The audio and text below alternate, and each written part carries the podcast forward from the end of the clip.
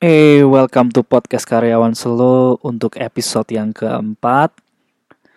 Dan di episode keempat ini, sebenarnya gue nggak akan ngomong banyak-banyak sih.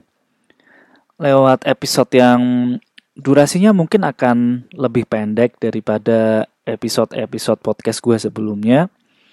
Gue ingin menghimbau ke orang-orang, terutama yang dengerin podcast ini, untuk tidak bersikap apatis dan tidak bersikap skeptis terhadap politik. Oke, sebelumnya mungkin ada yang belum tahu apa sih bedanya apatis dengan skeptis. Jadi simpelnya apatis itu adalah sikap nggak peduli, sikap masa bodoh, atau acuh tak acuh. Nah, sedangkan skeptis itu adalah sikap ragu-ragu atau nggak yakin terhadap suatu hal karena mungkin pernah punya pengalaman yang tidak menyenangkan atau pernah mengetahui fakta yang tidak baik berkaitan dengan hal tersebut. Nah, bahasan ini jelas ada kaitannya dengan pemilu 2019. Dan gua rasa ini cukup penting karena angka swing voters atau undecided voters atau mereka yang belum menentukan pilihan untuk pemilu 2019 ini angkanya masih cukup tinggi yaitu 11% dan ini berdasarkan hasil survei Carta Politika yang dilansir oleh BBC Indonesia pada tanggal 26 Maret tahun 2019. Dari data ini, gue melihat probabilitas angka orang yang akan golput pada pemilu legislatif dan pemilu presiden ini jadi semakin tinggi. Belum lagi wacana golput yang belakangan ini tuh juga semakin ramai gitu. Terbukti ini dilansir dari kumparan.com. Dari bulan Desember 2018 sampai bulan Januari 2019 atau dalam kurun waktu satu bulan aja udah ada 77 ribu lebih keywords atau ada 77 ribu lebih kata golput yang dimention di Twitter. Dan gue juga melihat atau ya mungkin kalian juga melihat fenomena banyaknya nih warga net atau netizen yang ini kebanyakan juga anak muda itu memakai hashtag golput di sosial media dan mendeklarasikan kalau diri mereka tuh tidak akan menggunakan hak pilihnya di pemilu 2019 ini. Well, gue nggak bilang orang yang golput itu sama dengan orang yang apatis atau skeptis terhadap politik. Gue sepenuhnya paham kalau golput itu juga hak lo sebagai warga negara. Cuma gue punya masalah nih dengan orang-orang yang selalu komplain tentang pemerintah, komplain tentang kebijakan politik, atau tentang hukum yang berlaku di Indonesia, tapi males gitu ngelakuin apa-apa. Males untuk berperan menjadi bagian dari perubahan itu sendiri. Ya maksud gue, if you wish to see changes, ya do something gitu. Jangan cuma komplain melulu gitu. Dan menurut gue salah satu langkah yang cukup mudah untuk membuat perubahan itu ya dengan menggunakan hak pilih kita di pemilu 2019 ini gitu. Nah selanjutnya kalau misalnya kita nggak golput nih, terus siapa sih yang seharusnya kita pilih? Pasangan calon nomor satu kah? Atau pasangan calon nomor dua? Atau ada juga pertanyaan, caleg seperti apa sih yang seharusnya kita pilih? Well, kalau gue pribadi gue nggak akan menyarankan untuk pilih nomor satu atau nomor dua. Apalagi untuk menyarankan memilih nama caleg tertentu. Karena gue yakin gue sama lu yang lagi pada dengerin ini uh, berbeda-beda daerah pilih atau dapil gitu. Daerah pemilihan ya, ah whatever. Dan gue tahu kalian juga udah muak gitu disodor-sodorin entah itu sama keluarga atau sama teman-teman kalian yang lain untuk memilih calon tertentu. Maka dari itu di sini gue lebih suka untuk share pendapat gue tentang kenapa kita harus milih pada saat pemilu dan juga calon pemimpin seperti apa sih yang gak pantas untuk dipilih? Oke, alasan pertama kita bakalan memilih orang-orang yang dalam tanda kutip menentukan nasib kita. Karena sebagai negara demokrasi, kehidupan kita sehari-hari diatur oleh kebijakan politik. Dan yang menentukan kebijakan politik itu adalah orang-orang yang nantinya terpilih pada pemilu tanggal 17 April 2019 itu nanti. Nah, mungkin banyak yang skeptis karena memang udah sering melihat fakta banyaknya politisi yang terjerat kasus hukum.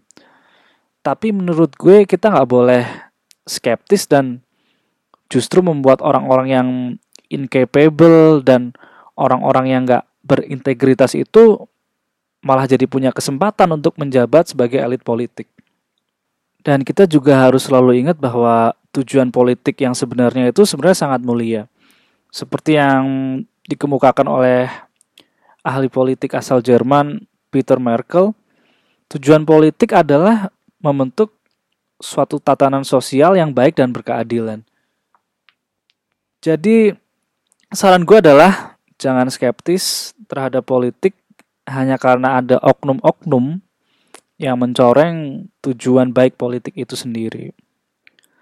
Nah, alasan yang kedua kita akan meminimalisir calon pemimpin yang punya catatan kriminal. Oke, gue sebagai orang yang waras, sebagaimana juga kalian yang dengerin podcast ini, pasti nggak pengen dong mantan-mantan narapidana bisa kepilih di pemilu.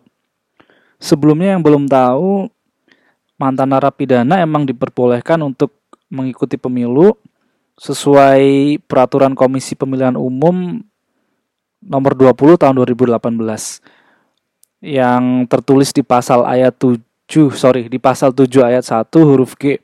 Jadi isinya terpidana boleh mencalonkan diri selama tidak pernah diancam dengan pidana 5 tahun atau lebih berdasarkan putusan pengadilan. Jadi contoh nih, lu pernah melanggar hukum, kena ancaman pidana, terus lu dipenjara. Bisa nggak lu nyalek?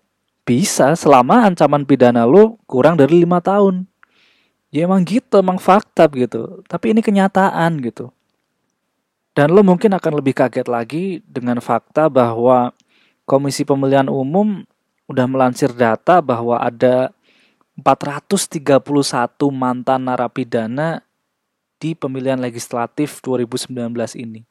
Gila nggak tuh? 431 orang mantan narapidana bakal maju sebagai calon legislatif di pemilu 2019 ini.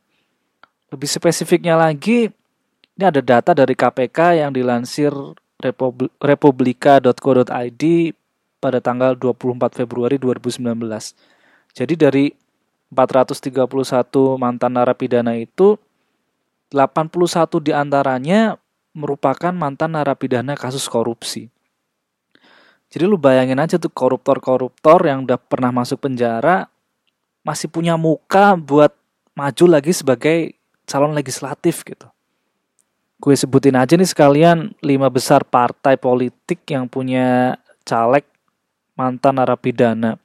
Yang pertama Partai Golkar ada 86 caleg mantan narapidana. Yang kedua Nasdem ada 51 orang. PDIP ada 42 orang. Gerindra ada 39 orang dan Partai Demokrat ada 38 orang.